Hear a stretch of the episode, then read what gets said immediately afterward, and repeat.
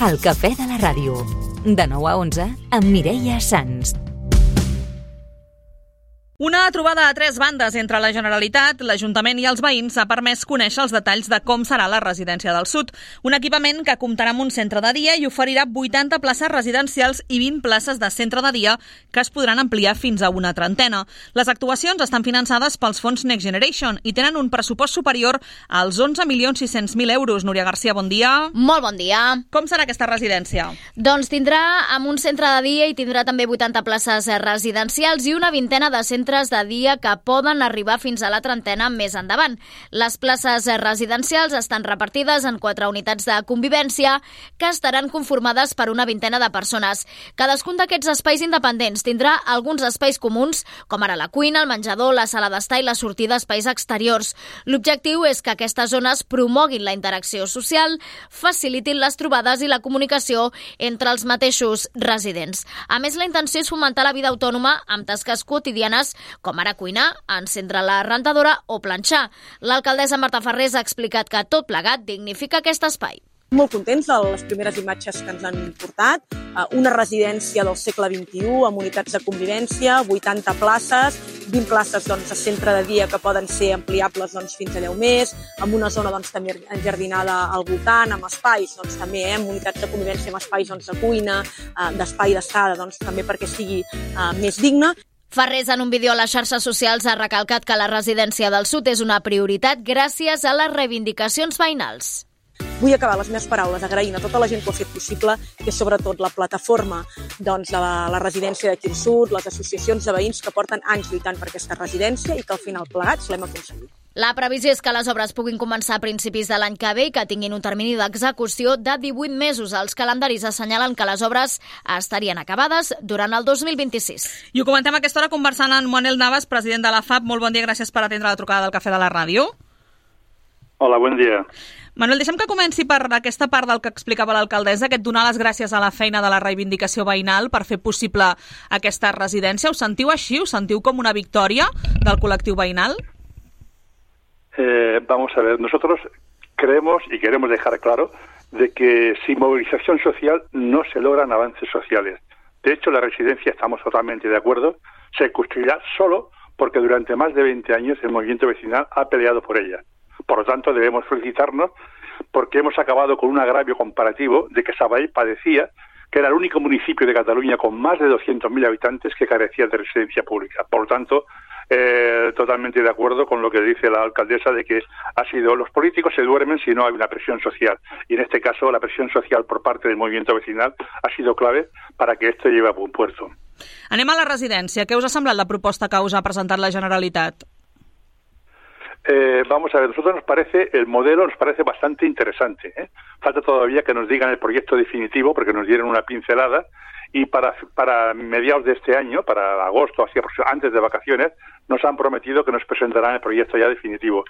Francamente, el sistema nos parece interesante porque huye del tema de masificación de, de grandes salas, sino que es un poco más concentrado, que favorecería en principio ante una eventual eh, crisis como la que sufrimos con el con el COVID, pues poder, eh, digamos, aislar a, diferentes grupos sin que se contagien nadie, ninguno con otro, ¿no? Y, me refiero, y, después eso, que es un poco buscando el que la, las personas residentes se encuentren lo más parecido posible a su a su casa, al entorno, al entorno familiar y tal, ¿no? Nos, nos parece una buena una buena decisión, un buen modelo que habrá que ver un poco lo que cómo, cómo se desarrolla, ¿no?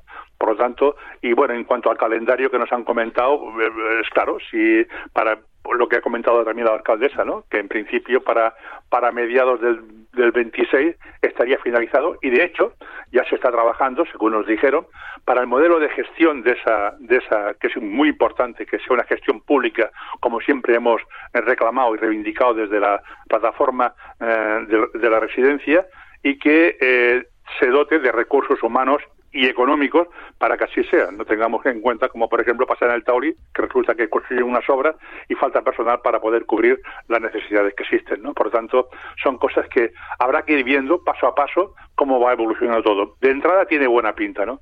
Y por cierto, una cuestión importante es de que después de que muchos gobiernos de todos los colores nos hayan toreado durante 20 años, esta vez parece que la cosa será, será seria porque claro, eh, la residencia está financiada con fondos de la Next Generation de, Europa, con lo cual si no se construye se pierde ese dinero y si se perdiese sería una responsabilidad tan grande que sería problema de juzgado de guardia, o sea, que, que las administraciones fuesen eh, no fuesen eh, eficaces a la hora de poder gestionar un dinero que viene de fuera para construir una residencia pública. Yo creo que sería un poquitín lo, importante, ¿no? de todas formas sí me gustaría comentar una cuestión y de que efectivamente las plazas son las que son, 80 más 20, 30 de centro de día, pero que, eh, pero que esa residencia es insuficiente a todas luces con las necesidades que hay en Sabadell. ¿eh? O sea, que eso que quede claro, que nosotros consideramos que urge un plan riguroso a medio y largo plazo para dar respuesta a las necesidades de la ciudad. Y en ello es lo que estamos y estaremos y seguiremos presionando para que realmente eh, la ciudadanía, que cada vez haremos más gente mayor, la ciudadanía disponga de los recursos y de la, bueno, la residencia o lo que sea, el sistema que sea, para que el cuidado de la gente mayor sea un hecho i no sea una quimera. Clar, vaig per parts. Um, el model de gestió, deies, us han garantit, per tant, podem parlar que us han garantit que serà un model públic de gestió? Sí, nos han prometido que sería un modelo Otra cuestión es la concreción de ese modelo, ¿eh? porque claro, hay diferentes modalidades. Puede ser una cosa directamente gestionada de la propia Generalitat, puede ser mediante un consorcio, puede ser diferentes modalidades. Habrá que ver un poco. O sea, aquí la gran diferencia que hay entre un modelo privado y un modelo público es que el modelo privado busca un beneficio, con, eh, claramente, si no, no sería privado, y un modelo público, la raya que diferencia de un modelo público es que no hay no busca un beneficio, sino que, en todo caso se trabaja eh, de cara pues al objetivo que tiene una residencia pública, que sería garantizar el bienestar de la, de la ciudadanía. Por lo tanto, habrá que ver dentro de ese modelo de no eh, obtener beneficio, que sería el público generalmente, pues ver qué modelo específico se, se, se concreta. Y en cualquier caso, lo que sí que hemos planteado es de que como, como movimiento vecinal queremos estar presente en ese modelo. O sea, no, no, que no sino que, queremos estar en el tipo de el cómo se va a gestionar eso, incluso el cómo se va a decidir qué modelo de gestión queremos estar. Vamos a ver. Uh -huh. uh, parlaves ara de que cal aquest pla per veure ben bé quines són les necessitats de la ciutat de Sabadell. Heu fet alguns números? És a dir, quantes residències realment li caldrien a la ciutat de Sabadell tenint en compte el volum de ciutadans que té, que té Sabadell? Vamos a ver, la residencia no solamente es para Sabadell, hay que entenderlo, que es un poco para la comarca también. Me refiero que no es, no es una cosa que la gente que no sea residente en Sabadell no podrá acceder a la, a la residencia. Habrá todo un baremo, etcétera, etcétera, y a partir de aquí irá entrando gente que puede ser de, de Badía, de Barbará, podrá ser de diferentes sitios en función del baremo y de la valoración que hagan en cada momento las situaciones. Primera cuestión. Segunda cuestión, el tema, aquí hay un tema que, que debe tenerse muy claro, es el tema de la demografía. O sea, cada vez habemos más gente mayor, eso es discutible, ¿no?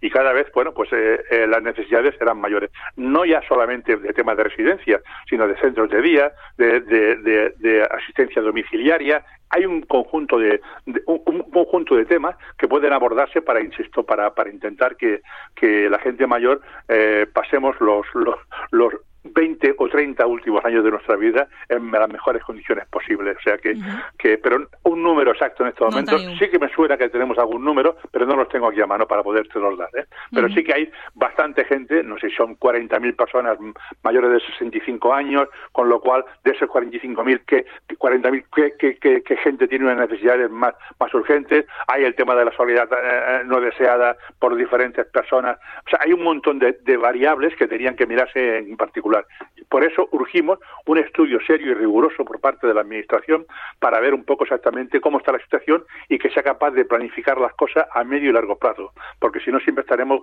en actuaciones reactivas que esto, eh, francamente, no conduce a, una solución eh, seria. Uh -huh. um, deixa'm que, aprofitant que tinc el telèfon, també et pregunti per als pressupostos de la Generalitat. Ahir coneixíem una mica els grans números, hi ha bastantes infraestructures que ens afecten. Uh, una d'elles és aquesta partida per, per l'Ernest Lluc, que és una de les grans demandes a nivell de, de sanitat a la comarca, uh, per tot el que podria suposar també per l'Hospital de Sabadell. Quin crèdit li doneu a l'abans que s'ha fet en, en l'àmbit de l'Ernest Lluc?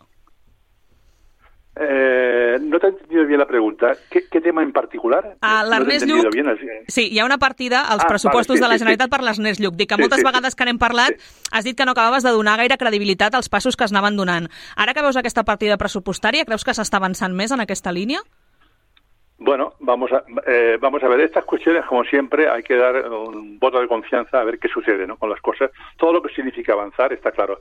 El gran problema que tenemos en estos momentos en el tema de los presupuestos y en particular en todos los temas sociales y en particular en el tema de la, de la sanidad, por ejemplo, que es uno de los temas sangrantes, y es de que eh, no se aborda el problema de fondo de la sanidad, que es una falta de recursos, una falta de medios, eh, que, que realmente eh, eh, por ejemplo, en el tema de la, pediatría, lo que está haciendo intentar concentrar la pediatría en CAP determinado es ni más ni menos que otro recorte, un recorte más como se ha ido haciendo durante los últimos años desde los gobiernos de, Artur Mas y, de, y, el, conseller Boy. Por tanto, a partir de aquí creemos que se va avanzando. Lógicamente ha habido mucha presión social para reclamar muchas reivindicaciones, muchas denuncias de todo tipo y se va avanzando, pero aún falta mucho por avanzar para intentar entender que el problema de fondo es Primero, que no conocemos todavía el modelo mm, de sanidad pública que la Generalitat nos plantea. Nosotros, la sociedad civil, sí que lo tenemos claro. O sea, los movimientos sociales, vecinales, etcétera, sí que lo tenemos claro. Pero las, ellas, eh, lo que es la clase política,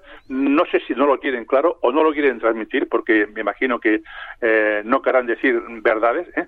y las verdades son de que realmente han hecho un flaco favor a la sanidad pública. La prueba de algodón está en que cada vez hay más gente que se apunta a las mutuas privadas, lo que significa que es un fracaso la gestión de la sanidad pública por parte de la Generalitat. Eh, pero vamos, que en todo caso, eh, paso a paso vamos a ir viendo cómo, cómo responden a estas cuestiones. Pero desde luego, si no se aborda el tema con, con una cierta lógica y sentido común a medio y largo plazo con el tema de personal y de recursos, difícilmente podemos dar solución a los graves problemas que padece la sanidad pública. Però quina importància li donaries a que realment es tirés endavant aquest Ernest Lluc? És a dir, quina importància té i quins canvis podria suposar uh, per l'Hospital de Sabadell? Perquè també és una llarga reivindicació, no?, el fet de comptar amb aquest hospital ubicat sí. entre Cerdanyola, Montcada i Ripollet. Sí, sí, no, es, cierto de que también recordar que es una reivindicación antiquísima por parte del movimiento vecinal y de, diferentes plataformas.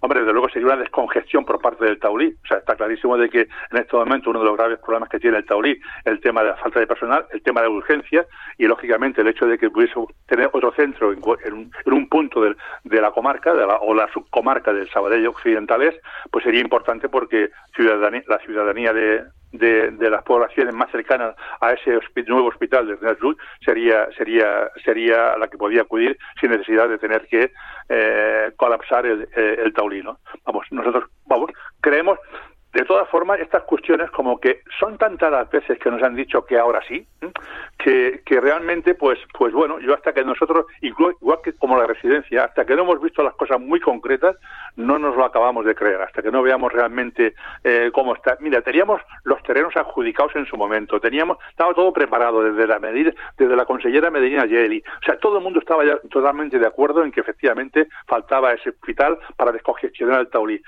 Eh, y varias veces, de cuando en cuando saliendo como un tema, ya estamos a punto, ya estamos a punto, pero nunca se llega a realizar. Por eso digo que en todo caso habrá que ir esperando.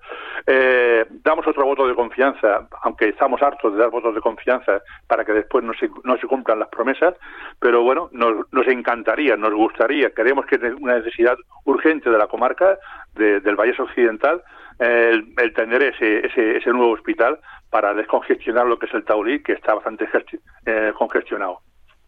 Manuel Navas, moltíssimes gràcies per haver-nos atès. El president de la FAB, que vagi molt bé, que tinguis un molt bon dia. Venga, igualmente, adiós. Adeu. El cafè de la ràdio.